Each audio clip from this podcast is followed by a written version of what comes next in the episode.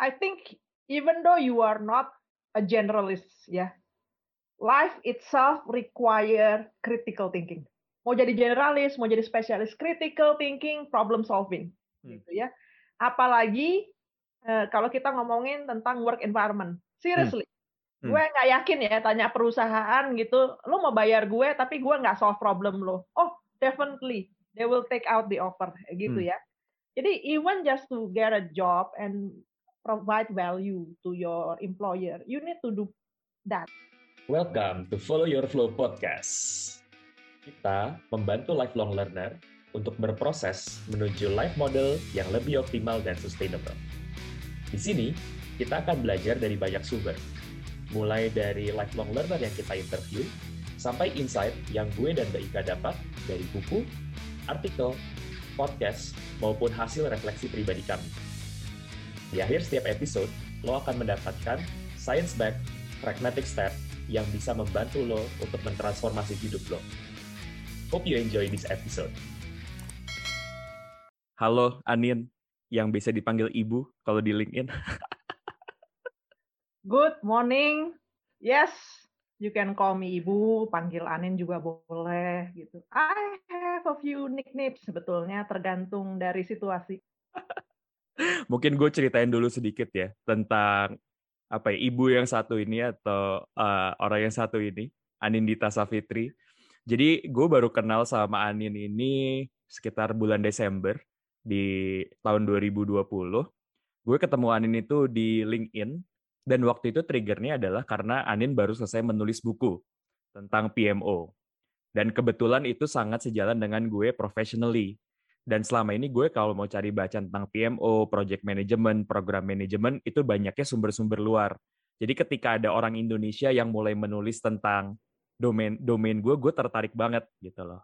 Dan ternyata sebenarnya gue udah pernah dengar nama Anin sebelumnya karena dulu gue dan Anin kerja di kantor yang sama, biarpun tidak di waktu yang bersamaan, yaitu di McKinsey. Jadinya gue udah sempat mendengar gitu kayak, oh ini ada orang legend nih, namanya namanya Anin. So that's what I heard uh, then and how I met Anin di LinkedIn. Terus uh, gue gue kayaknya nge apa ya nge message lo di LinkedIn. Terus kita discuss, kita ngobrol dan ternyata we decided to record this podcast. Yeah, that's awesome sebetulnya.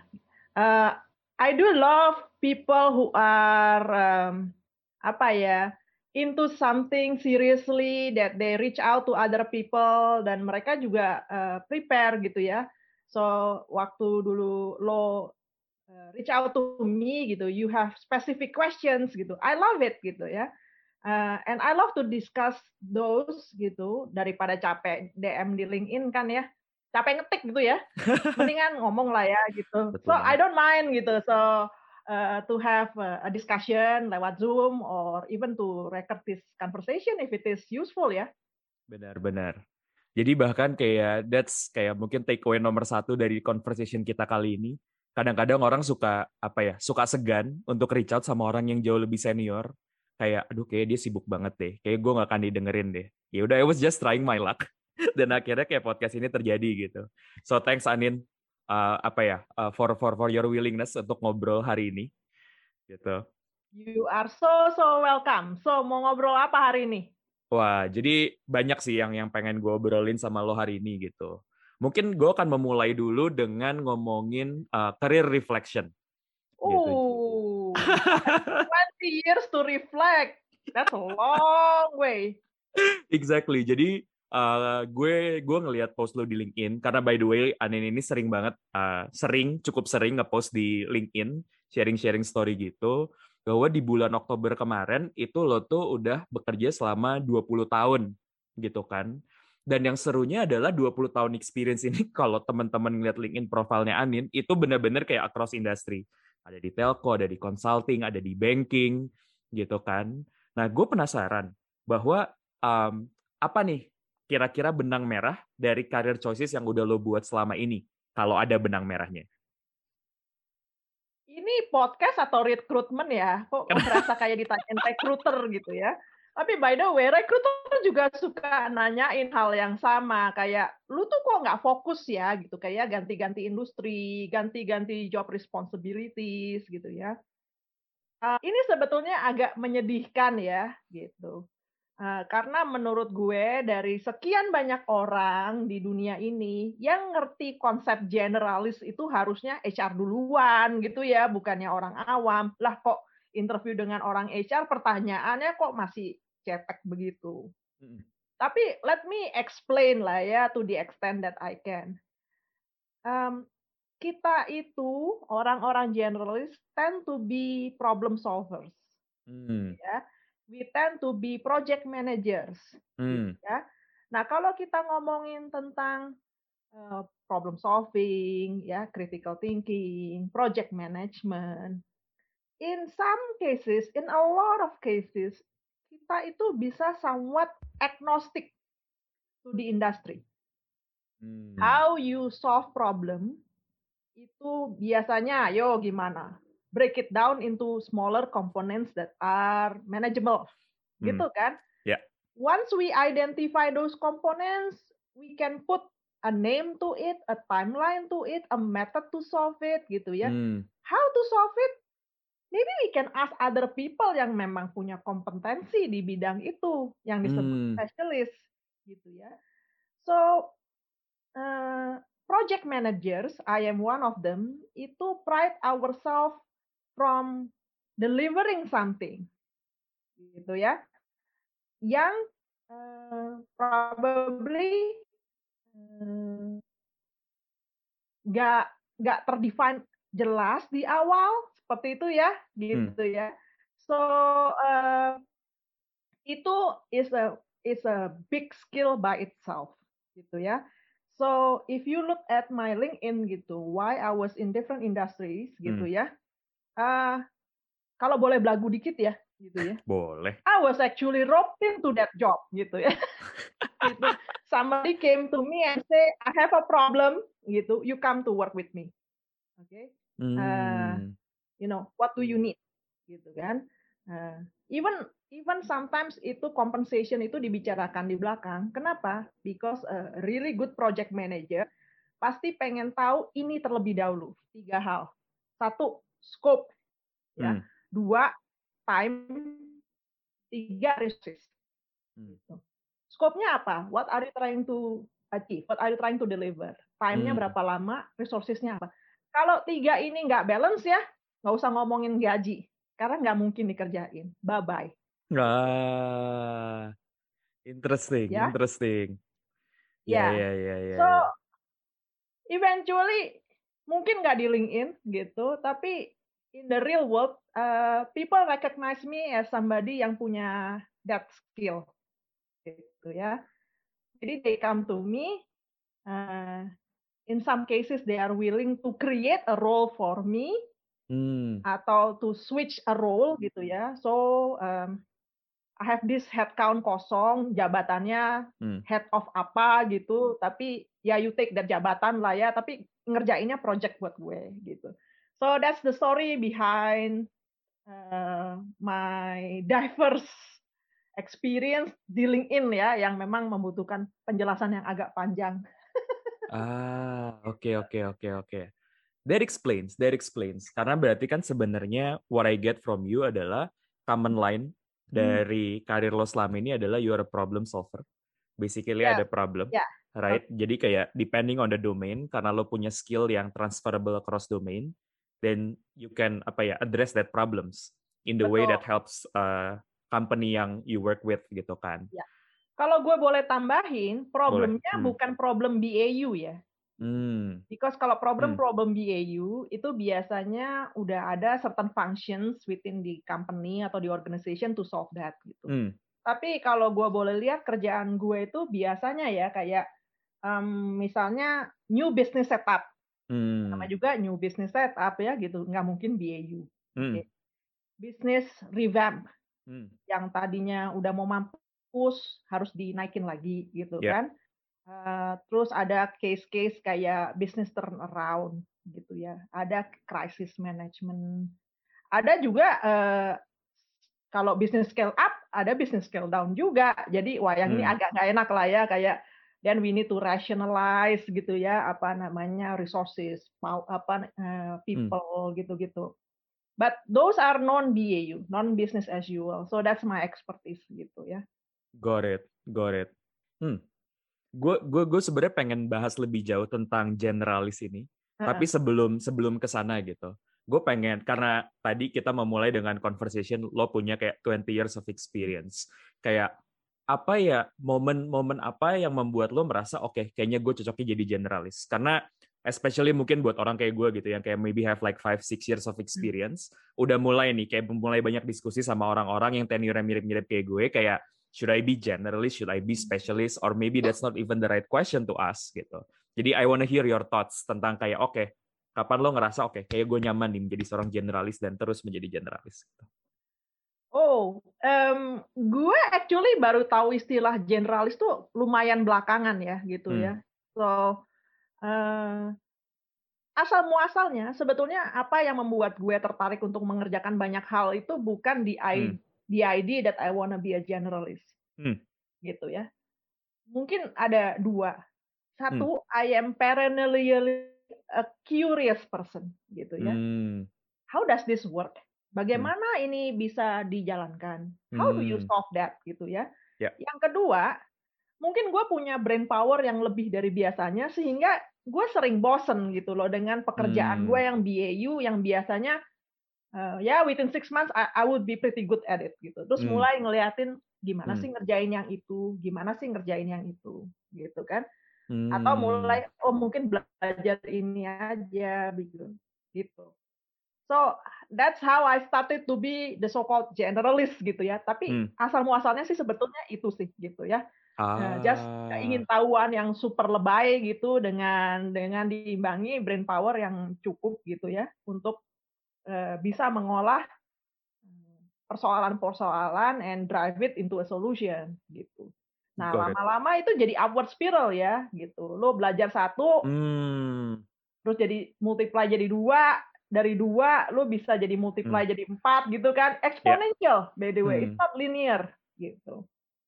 Nah, kalau lu udah punya cukup banyak skill generalis ya untuk eh, apa namanya bekal, it's a matter of permutation combination aja gitu. Di pekerjaan ini atau di project ini gue pakai skill A, C dan H gitu kan. Di pekerjaan lain mungkin B, D dan J gitu kan. So uh, you can do a lot of things uh, in a generalist space ya. Wah, itu itu itu perspektif yang menarik ya karena yang yang menarik dari apa yang tadi lo bilang adalah kadang-kadang yang digalaukan dari karir itu adalah oh gue mau jadi generalis apa spesialis tapi tadi yang menarik adalah lo tidak memulai dengan pertanyaan itu lo memulai dengan lo tuh siapa lo tuh senangnya yang kayak gimana and in your case lo bilang bahwa lo orangnya memang curious hmm. dan lo punya intellectual capacity untuk belajar cepet hmm. Maka akhirnya naturally menjadi orang yang ber, mungkin biar gua nggak membatasi dengan label menjadi orang yang akhirnya ya udah going from one problem to the other problem to solve adalah yeah, sesuatu yang jadinya lebih natural buat lo gitu ya. Menurut gue, you are spot on ya. Uh, menurutku banyak sekali mungkin ya orang orang-orang yang so ribet gitu loh memikirkan apa yang dia inginkan gitu ya.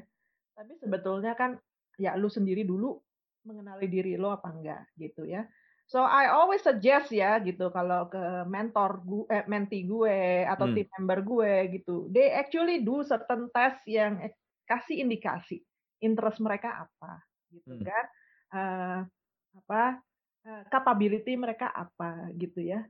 Uh, aku agak menyayangkan gitu ya, the dogma mungkin di di millennials gitu ya yang yang you can be whatever you want as long as you wish hard enough. I don't think so ya, menurutku. Karena aku orangnya very on the ground ya. Project manager itu nggak bisa ngawang-ngawang. You need to do something and deliver something gitu ya. Jadi buatku gitu ya, kalau lu masuk ke dapur aja kagak pernah. Apa-apa tinggal panggil mbak gitu ya, bikin teh manggil mbak gitu ya. Terus lu tiba-tiba mau jadi chef, itu dari mana ya gitu ya. Gua gua mikir gitu loh ya. Gitu.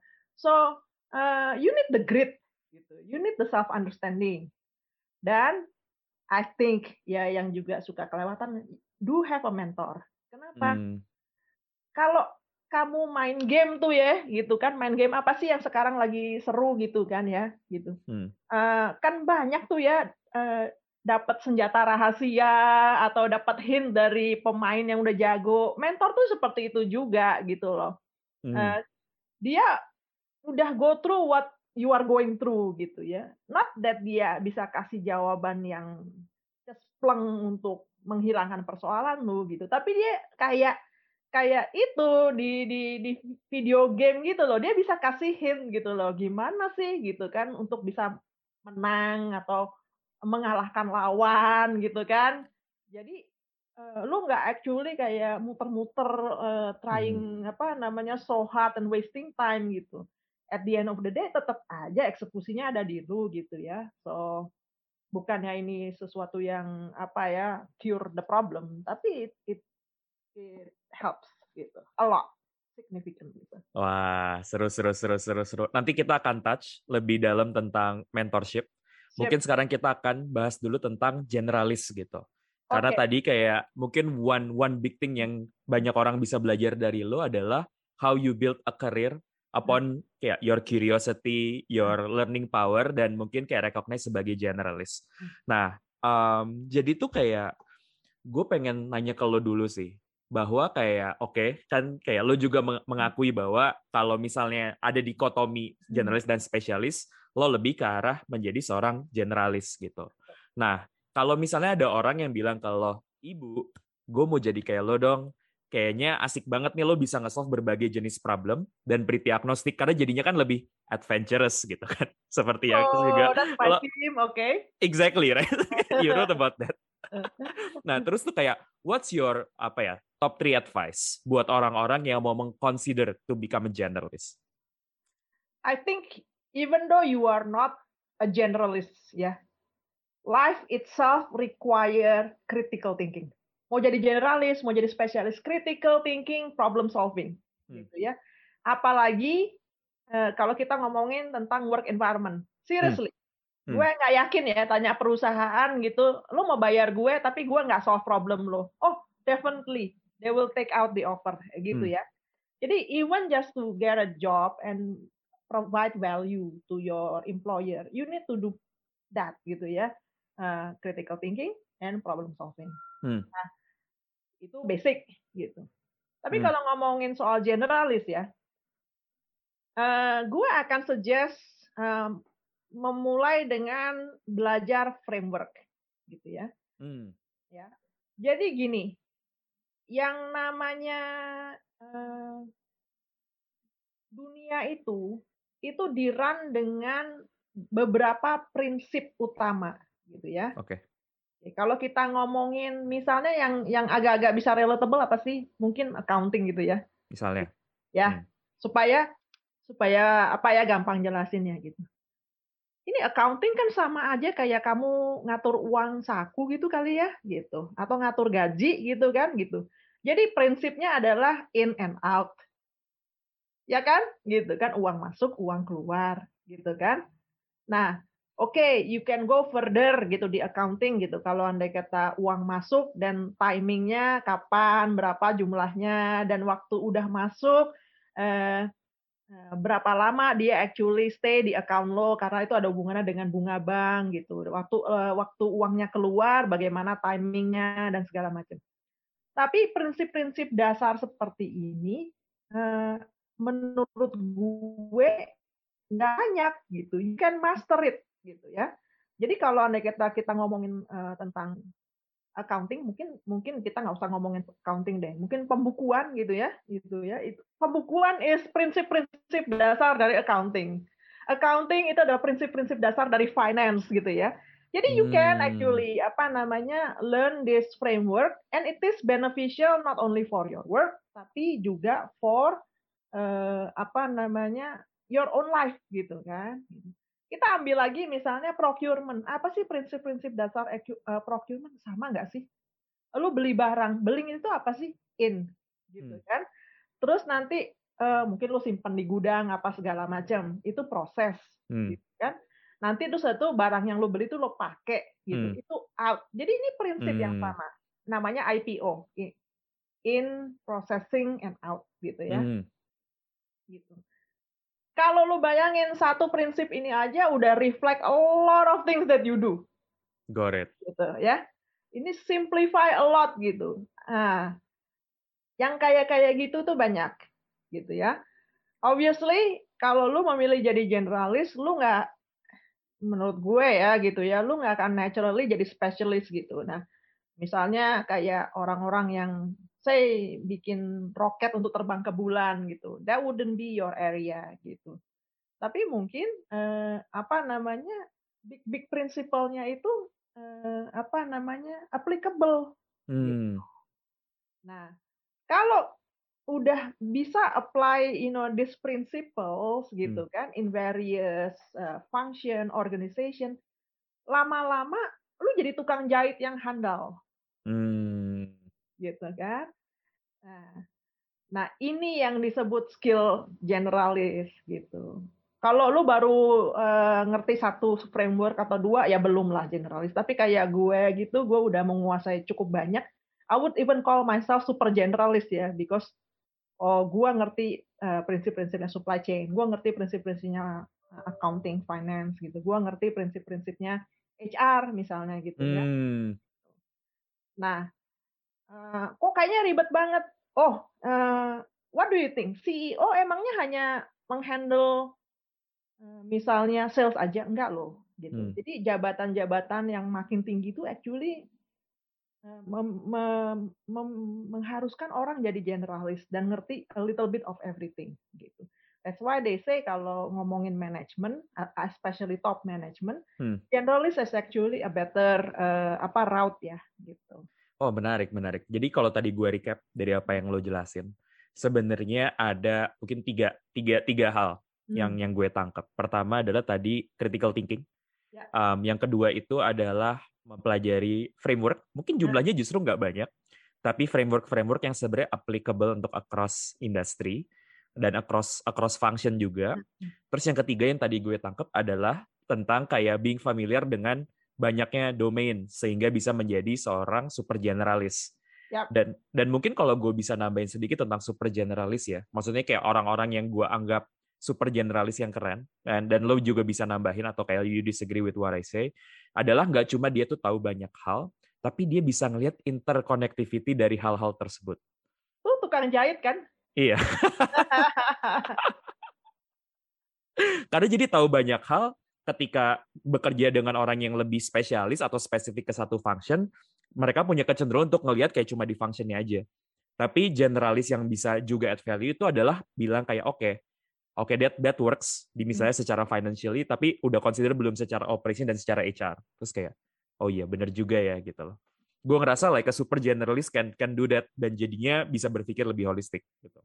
Betul. Dan juga adalah dia bisa mentranslate uh, konsep dari satu function ke yang lainnya, gitu ya. Misalnya apa sih yang uh, function yang selalu ribut satu sama lain? Nih, kalau gue kasih contoh, sales sama operations.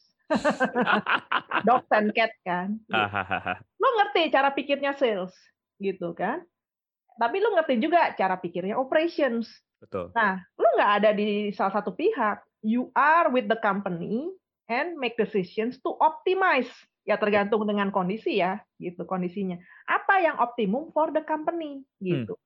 Kalau orang-orang spesialis, biasanya mereka berpikir apa yang optimum buat function mereka. I which see. is not necessarily optimum buat the company or the business, gitu Hmm. kan? Gitu. That's why itu fungsinya si CEO kan gitu in Hmm. most cases gitu kan. Ya. Oke, okay, uh, sometimes take tough decision yang nggak populer gitu ya, tapi berdasarkan circumstances, ya itu yang harus dilakukan dan itu yang optimize gitu kan. Itu sih sebetulnya. Itu itu itu relatable banget sih dan maksudnya kayak kalau relate dulu ketika belajar aljabar ya, ada yang namanya lokal maksimum dan global maksimum gitu kan. Oh, oke okay, Right. Gue yakin ini membangkitkan kenangan dari beberapa puluh tahun yang lalu. Dan gue sekolah SMA-nya di sekolah Katolik, man. Oh, tidak boleh menyebut nama ya. Iya. Halo teman-teman, apakah lo sedang berada di dalam situasi ini?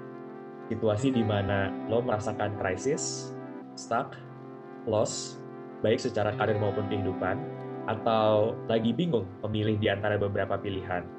Bisa jadi Mungkin juga lo sedang mengalami kesulitan untuk membangun habit yang sustainable. Nah, kita pengen bantu lo melalui course gratis yang namanya Setting Up Your Minimum Viable Priorities. Di course ini, lo akan belajar tiga hal. Pertama, melihat hidup lo secara lebih holistik, karena you are not your work, and there is more to life than just work. Kedua, menentukan prioritas jangka pendek, menengah, dan panjang. Ketiga, menentukan langkah konkret untuk membuat prioritas lo selangkah lebih dekat menjadi kenyataan. Di course ini, lo akan mendapatkan video berdurasi 45 menit yang bisa lo tonton kapan aja dan di mana aja. Dan lo akan mendapat workbook yang bisa lo pakai untuk mempermudah proses refleksi lo. Semua ini gratis. Yuk, dapatkan akses ke course ini dengan mengunjungi website kita di www.followyourflow.id www.followyourflow.id Nah, mungkin gue gue punya follow up question karena dari tadi kan yang lo bilang kayak enaknya jadi generalis gitu kan. Hmm. Gitu kayak oh kita bisa dealing with lot of lot of problem, terus kayak juga bisa ngeliat interconnectivity-nya gitu loh. Hmm. Nah, mungkin kita akan spend time juga untuk mem, apa ya? Untuk membahas tentang the apa mungkin side effect-nya kali menjadi seorang generalis. Nah, Tadi udah dibahas, rekruter nanya, kamu kok Hmm. nggak fokus? Yes. Kamu kok kutu loncat? Yes. Tapi udahlah, rekruter tuh mungkin maybe not the biggest concern lah, at least in Benar. my experience. Gitu What ya. else? As long, Hmm. as long as lu you have strong referral ya, especially kalau your boss itu adalah the one saying I want Anin to join, Hmm. ya gitu ya. Jadi rekruter sering kali eh, ya formalitas gitu. Hmm. Tapi sebetulnya adalah yang menurut gue biasanya gitu ya, biasanya itu adalah challenge gitu ya Hmm. untuk generalis. Eh, terutama mungkin yang belum di level seperti gue yang orang Betul. udah tahu gitu Betul. dan therefore dicari gitu ya. Hmm. Itu sebetulnya adalah how do you eh, ini ya show your value Hmm. gitu ya. Kalau misalnya accounting, wah eh, lu bisa misal gitu ya, berhemat sekian miliar tahun ini gitu kan. Hmm. Kalau lu procurement, oh gue bisa datangin barang cepat dan murah gitu ya. Tapi generalis tuh apa gitu ya? Especially karena dia itu tukang jahit kan gitu kan. Itu Exactly. satu. Jadi value-nya dia tersebar di seluruh Iya. company gitu kan. Eh, terus yang kedua, generalis itu eh, tidak bisa kerja sendiri gitu ya. Jadi deliverable dia gitu itu akan tergantung dari orang-orang lain juga yang mengerjakan gitu. Nah, actually ini sudah dibahas cukup dalam gitu ya dari perspektif project manager di bukunya yang waktu Hmm. itu gue share sama lo itu. So I wrote that with a few others gitu ya Hmm. how do you demonstrate the value for Hmm. example uh, a generalist like project management office Hmm. gitu ya Uh, the best way to do it is actually to define upfront gitu kan Hmm. what you wanna achieve Ya. gitu ya nah ini enaknya kalau misalnya uh, your boss atau would be boss itu udah tahu lo sehingga dia tahu lo itu strength-nya di mana and dia Hmm. tahu apa yang dia mau achieve ya kalau enggak kenapa nyariin Anin gitu ya gitu ya Hmm. gitu nah itu gitu so eh, apa namanya you have a goal to achieve gitu. Hmm. yang mungkin tidak ada di JD BAU lu lah ya gitu so Exactly. you want to achieve that gitu Hmm. and then you create some kind of roadmap, timeline, or strategy gimana lo mau achieve dan lo be transparent gitu. Lo udah sampai sini, ini sampai sini gitu. Hmm. gitu. And in general kalau andai kata lo am, apa ya ngerjain project-project yang non BAU, eh, menurut gua itu very hard to guarantee result. Itu very frankly honest. Hmm. What you can show is actually how you manage the situation to get Hmm. Into that direction. Hmm. Jadi ada transparansi gitu loh. Ini nggak bisa kenapa, ini bisa kenapa gitu ya. Nah Wow. itu menurutku gitu ya. I've been in so many companies yang mungkin di minggu pertama gue ditanyain gitu ya. Eh, so Anin em, pengalamannya di telco apa gitu. Terus uh, saya nggak pernah detail kok Pak gitu kan. You can see from his eyes, what is she doing here gitu ya. gitu. Yeah. Tapi ya, uh, so that you don't feel down about the whole Hmm. situation ya, gitu Yep. ya. Figure out a way to show value very immediately gitu, very fast and it is possible gitu ya. Uh, gini, gue kasih trik satu ya. Eh, Biasa nggak sih di dalam satu company ada silo satu, ada silo dua, gitu, ya, Betul. gitu kan, gitu kan. And mereka itu nggak pernah akur, dogs and cat, Yes. gitu ya. Find a situation where you can bridge the two, gitu. Hmm. Di mana akhirnya simply karena ada bridge gitu, information is flowing, Yeah. problem is solved, Yeah. things are expedited. Ini nanti gue jamin dua dua pihak ini akan jatuh cinta sama lo, and they'll be your advocate. Hmm. Dan lucunya sebetulnya kalau dibilang-bilang ya gitu ya, eh, lu dulu ngomong sendiri juga kalau nggak ada gue bisa, tapi kenapa lu nggak ngomong ya gitu kan? Oh my god, itu exactly yang lagi gue hadapi. But yeah, it's it's very relatable. It's very relatable sebagai seorang Iya, generalis. kenapa? Gitu. Karena karena dua pihak nih ngomongnya bahasanya beda deh kalau gue bilang. Agree, agree, Jadi nggak ada tukang jahitnya. agree, agree, agree, agree. Wah menarik ya, karena menurut gue tadi perspektif yang lo tawarkan itu adalah perspektif tentang definisi dari impact atau definisi dari result, Ya. gitu kan? Karena one of the biggest setback atau mungkin mungkin bukan setback juga ya, kayak konsekuensi kali ya jadi jadi Hmm. seorang generalis adalah output atau outcome-nya nggak nggak clearly defined, nggak kayak orang yang misalnya jelas nih, misalnya engineer dia bikin software, kalau Hmm. marketing misalnya dia bikin campaign, kalau recruiter dia jelas nge-hire orang.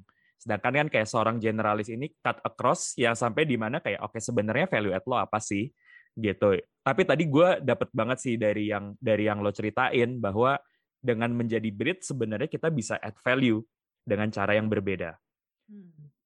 Another another question yang jadi extension ke situ. Tadi kan lo lebih ngebahas tentang gimana menunjukkan ini keluar gitu Ya. kan. Karena kan again, ketika kita kerja sama stakeholder apalagi kalau environment environmentnya demanding, we need them to trust us. Dan Hmm. yang tadi lo share itu adalah cara untuk building credibility sebagai seorang generalis. Hmm. Nah, yang pengen gue bahas ke lo, dan ini is, is a deeper question, adalah gimana to have that conversation internally. Dan mungkin kalau gue take into context, terutama misalnya karena lo juga suka Hmm. mentoring orang-orang yang lebih muda, yang lebih nggak sabaran Hmm. terhadap impact. Apalagi tadi lo clearly bilang bahwa ini tuh impact-nya akan lumayan susah untuk Hmm. di-quantify gitu. Hmm. Kayak how to deal with the existen- existential uh, question yang kayak, oke, gimana supaya gue tuh sabar? Biarpun misalnya value-nya nggak langsung kelihatan dalam waktu yang dekat. Gitu. Wow, gue lagi nyari analogi yang yang gampang di ini ya. Hmm. Ah, kalau misalnya lu lagi PDKT sama cewek gitu ya. Hmm, hmm. Ah, mungkin ketidaksabaran itu gitu kan itu analoginya adalah pengen cepet jadian gitu kan. Hmm. Gitu. Sementara si ceweknya mungkin masih eh, banyak pilihan yang lain, banyak pertimbangan dan segala macam. Gitu. So apa yang lu bisa lakukan ya gitu? Kalau lu beneran seneng cewek itu, gitu. menurut gue, gitu. Hmm. regardless of the potential outcome, gitu, you enjoy being with her, Hmm. Gitu kan? You enjoy the interaction, Hmm. you enjoy doing things gitu ya, gitu. Em, ini kedengarannya klise, gitu Hmm. ya. I don't particularly like it gitu ya. Tapi eh, project management gitu eh, is also a passion gitu ya. Yang nggak Hmm. hanya ngelihat ujungnya aja apa. Got it. In fact, sometimes ujungnya nggak ada. Nggak tahu projectnya habis duit, eh, projectnya di kill gitu kan. Nggak jadi priority lagi. Ya, you, you know, I mean like with all this eh, apa namanya eh, volatility gitu kan. Tapi you need to enjoy doing your work gitu ya. Hmm. You need to be passionate gitu kan. Hari ini what I wanna what I wanna achieve, what problems I wanna solve, which people I would see today gitu kan. Gitu.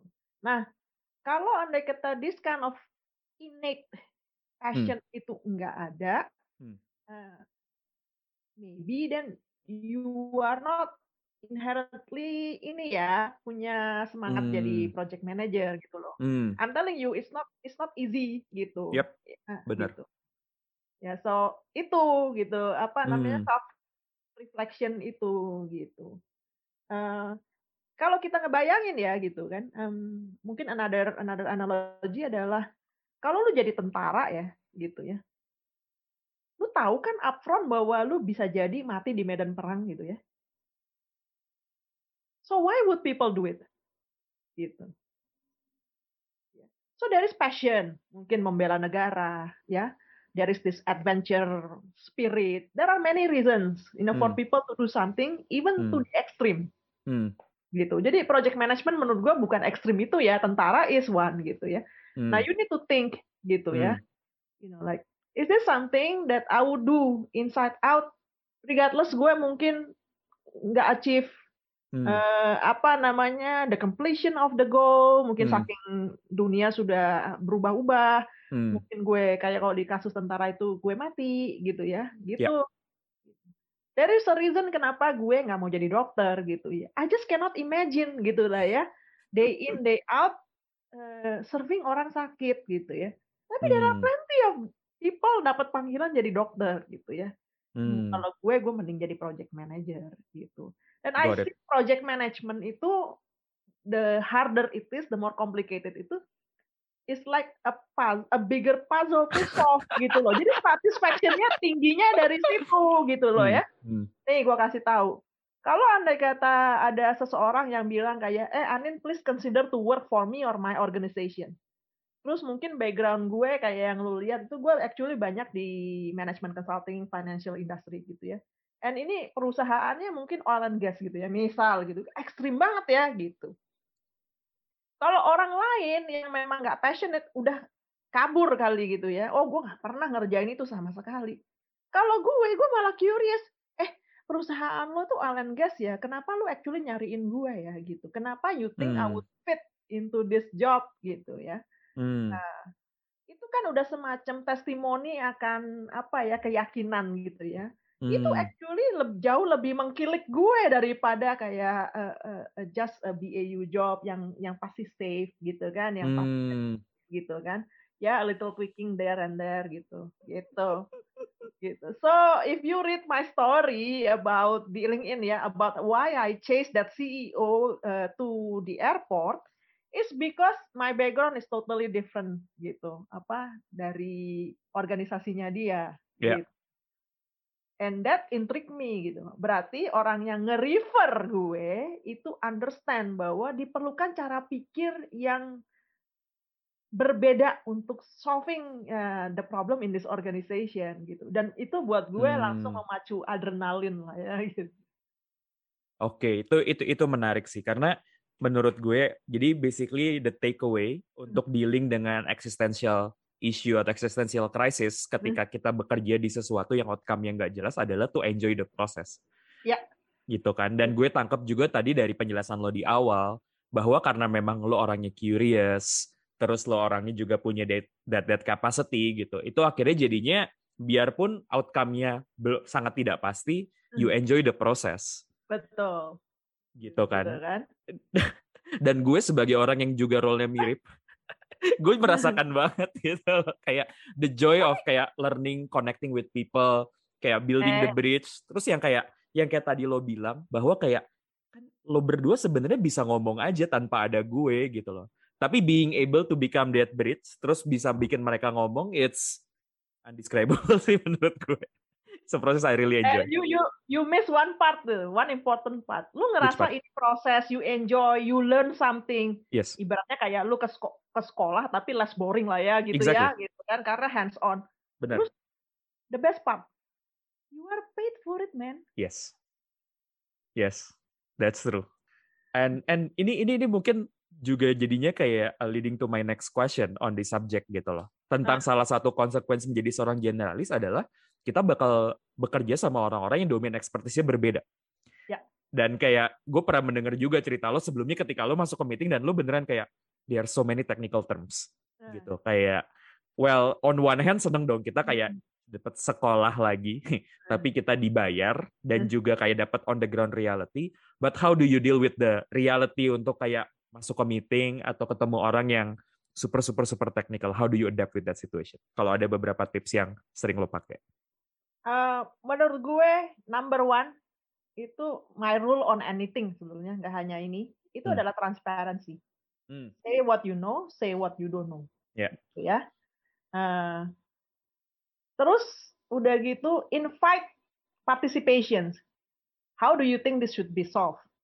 Gitu. Kan seperti yang aku bilang gitu dan kamu alami juga. Dua pihak ini actually sebenarnya bisa bisa ngobrol sendiri kalau mau gitu kan. Gitu. Jadi in, in some cases tugas lo tuh cuma menyimpulkan gitu kan. Gitu. Di meeting itu lo menyampaikan eh, oh maksud lo ini, lo maksudnya ini. Jadi kesimpulannya ini gitu. And mungkin role kita yang gede adalah menyimpulkan dan follow through. Kalau Yes. ini sudah disimpulkan bahwa departemen lo akan mengerjakan ini dan departemen lo akan gitu kan menyelesaikan ini kapan, how gitu kan. Resources apa yang dibutuhkan gitu ya. Dua, always find early advocates. Ada Ada. Hmm. Hmm, benar benar benar. gitu ya. Apa pun itu. In my case ya, yang mungkin agak lucu adalah waktu gue di telco, gue udah ngaku gitu. No, eh, saya actually tidak pernah di telco sebelumnya. This is my second week in telco industry. Ngobrol kanan kiri, oh ternyata orang ITB men. Gitu. Yang for whatever reason sangat proud akan ke ITB-annya. Ya nebeng. Saya juga ITB pak, gitu kan. And suddenly dia on your side. Nah ini ilmu-ilmu people seperti ini banyak banget ya di generalis gitu ya. So I would suggest uh, you master it. Gitu. Communication, uh, apa ya kayak semacam psychology yang yang praktikal aja gitu ya. I can mention a few lah gitu. Gitu. Kalau yang udah bener-bener technical banget gitu ya, technical technical banget, usually you don't say anything kok. You sit in a meeting. Tapi for your own sake, you- you'd better learn something ya. Otherwise kan lu nggak bisa ya eh, apa kelamaan duduk di meeting berminggu-minggu dan don't understand. So gue pernah lihat colleague gue gitu, actually dia take notes gitu ya on all the technical terms yang dibicarakan di meeting itu gitu kan. Wah, I was so amazed gitu ya. Wah, you understand it ya gitu. Lu lu eh, apa nyatet semuanya. Enggak, ternyata dia nyatet untuk di Google later. Gitu. Jadi dia semua keyword technical yang dibicarakan di meeting itu di Google. Dia akan Google later gitu ya. Terus jangan jadi orang males lah kalau gue bilang, aduh males it's a enemy of everything gitu ya.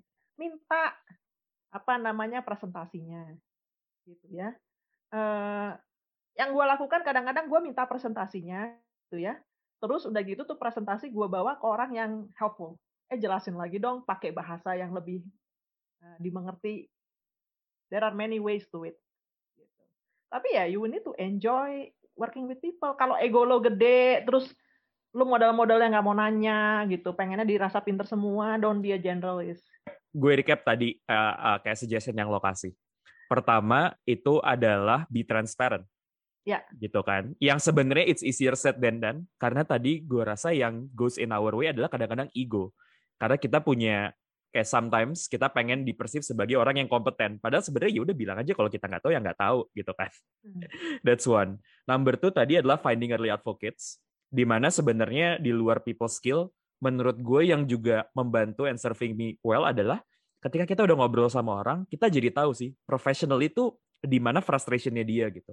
Dan Ya. ketika kita bisa menjadi oke, okay, I'm not an expert in your domain, tapi gue bisa bantuin lo karena gue bisa connect lo dengan ini dan ini. Gue rasa itu juga menjadi bahan untuk kita bisa diadvocate sama seseorang.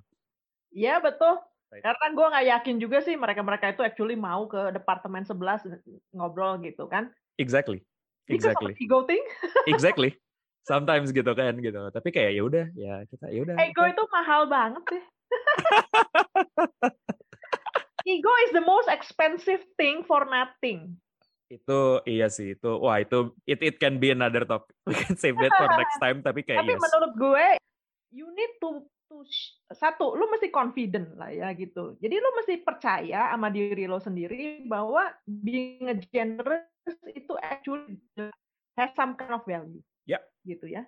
Nah, jadi itu akan membuat lo uh, strong gitu ya kalau mungkin di apa ya di diremehin gitu ya. Apa sih lo lo nggak ngerti technical ABC gitu. Lo lo tahu lo punya value sendiri. Ya. nah kalau lo udah tahu lo punya value sendiri please show the value. Itu jangan lupa gitu. The soonest you can show the value the better. Kenapa? Then you'll get people to uh, accept you. Terus see how you can help them gitu ya. Kalau andai kata lu tiap kali uh, excuse-nya gue nggak ngerti technicals, gue bukan Yep. orang specialist, whatever. How long can you apa namanya stand that way gitu kan? You need to start showing value gitu ya. Contohnya yang gue bilang tadi gampang aja, be a bridge. Yang tadinya ngerasa kok gue kalau andai kata ke finance lama banget ya transaksinya gitu ya. Hmm. Oh sekarang you understand at least kenapa lama gitu. Atau you understand mungkin eh, requirements-nya kurang, dokumennya kurang Hmm. gitu loh. Hmm. Kan tambah detailing gitu kan, gitu. Terus tiba-tiba eh, hidup lo jadi gampang gitu kan. Iya. Gitu.